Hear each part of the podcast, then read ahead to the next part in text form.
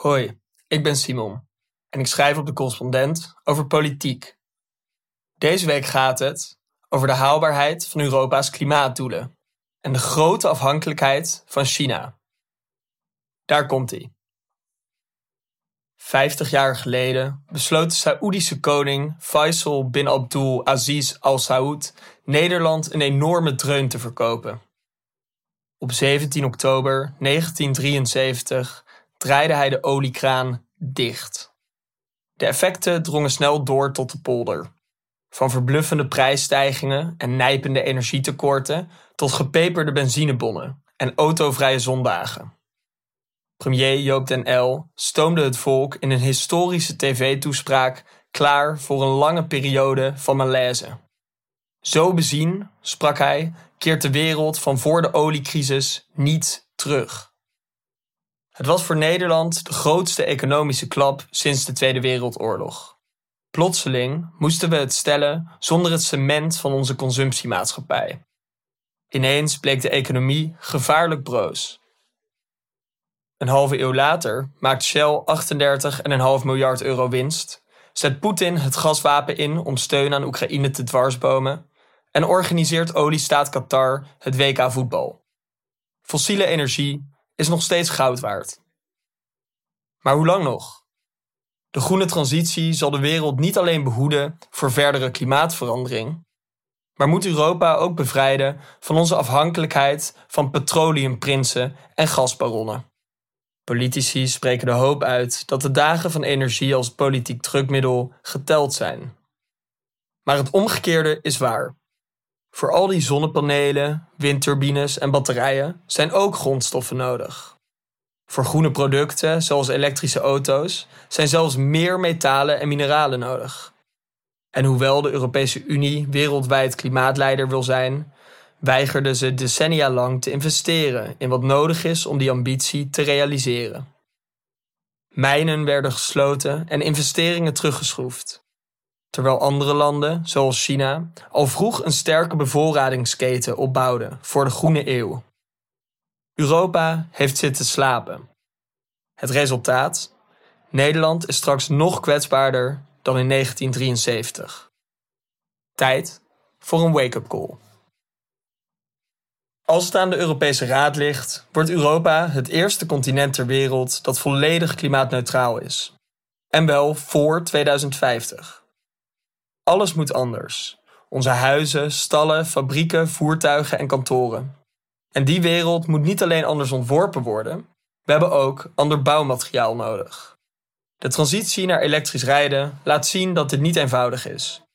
Elektrische auto's hebben in gewicht ruim zes keer zoveel mineralen nodig als traditionele voertuigen.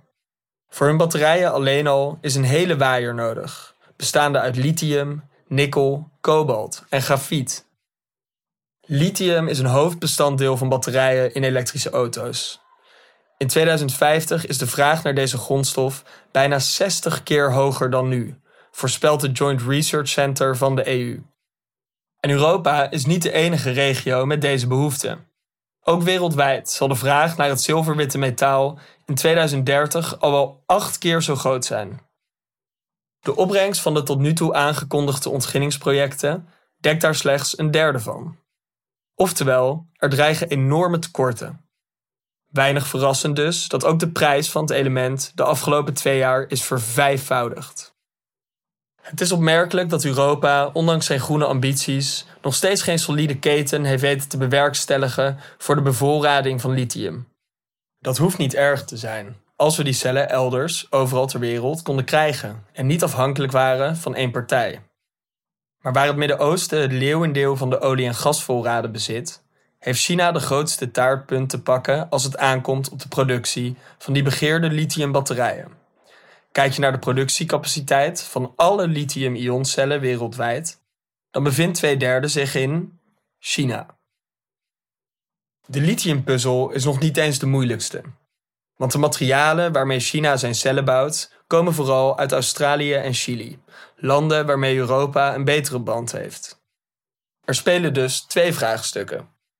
Waar worden de materialen verwerkt en waar worden ze gewonnen?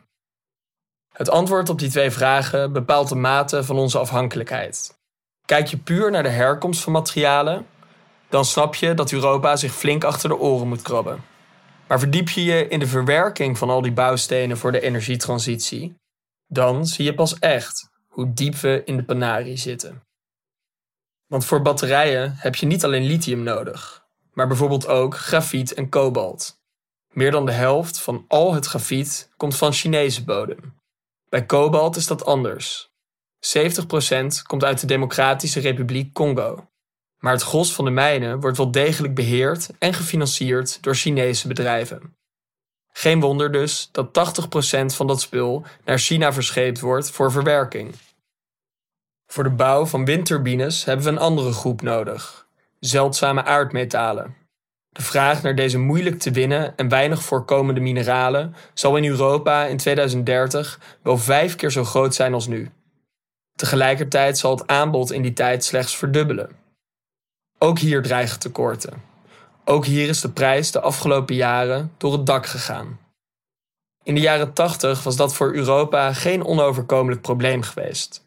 Toen kwamen de meeste zeldzame aardmetalen nog van Amerikaanse bodem.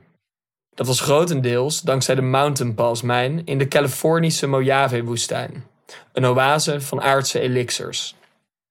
Maar inmiddels hebben de Verenigde Staten hun positie volledig uit handen gegeven, dankzij strenge milieuwetgeving en competitie met lage loonlanden.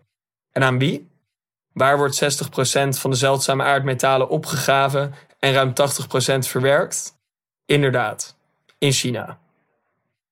De toegenomen afhankelijkheid van China was geen toeval, maar strategie, ingezet door de voormalig president Deng Xiaoping. Het Midden-Oosten mag dan olie hebben, zei hij in 1992. China domineert in zeldzame aardmetalen. Een staatskrant van China noemde de magische mineralen recent de aas in Beijings hand. Of dat riskant is? Maak eens een praatje met een Japanse glasproducent of windturbineboer. In 2010 introduceerde China een verbod op de export van zeldzame aardmetalen naar Japan. Na een diplomatieke rel over een Chinese vissersboot in Japanse wateren. De uitvoer kwam pas weer op gang nadat de visser bevrijd was.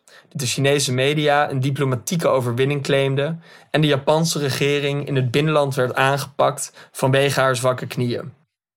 Vergis je dus niet. China is niet bang om grondstoffen als chantagemiddel te gebruiken. Ook niet tegen het Westen. Een memo van een Chinees staatsorgaan stelde in 2019 nog uitdrukkelijk de vraag: zullen zeldzame aardmetalen het breekijzer van China worden tegen de boosaardige onderdrukking van de VS? En in februari 2021 lekte uit dat het Chinese ministerie van Industrie en IT onderzoekt hoe het land zeldzame aardmetalen verder kan inzetten als wapen. Dat is mogelijk slecht nieuws voor Nederland, want windmolens moeten rond 2030 maar liefst 75% van ons elektriciteitsgebruik leveren.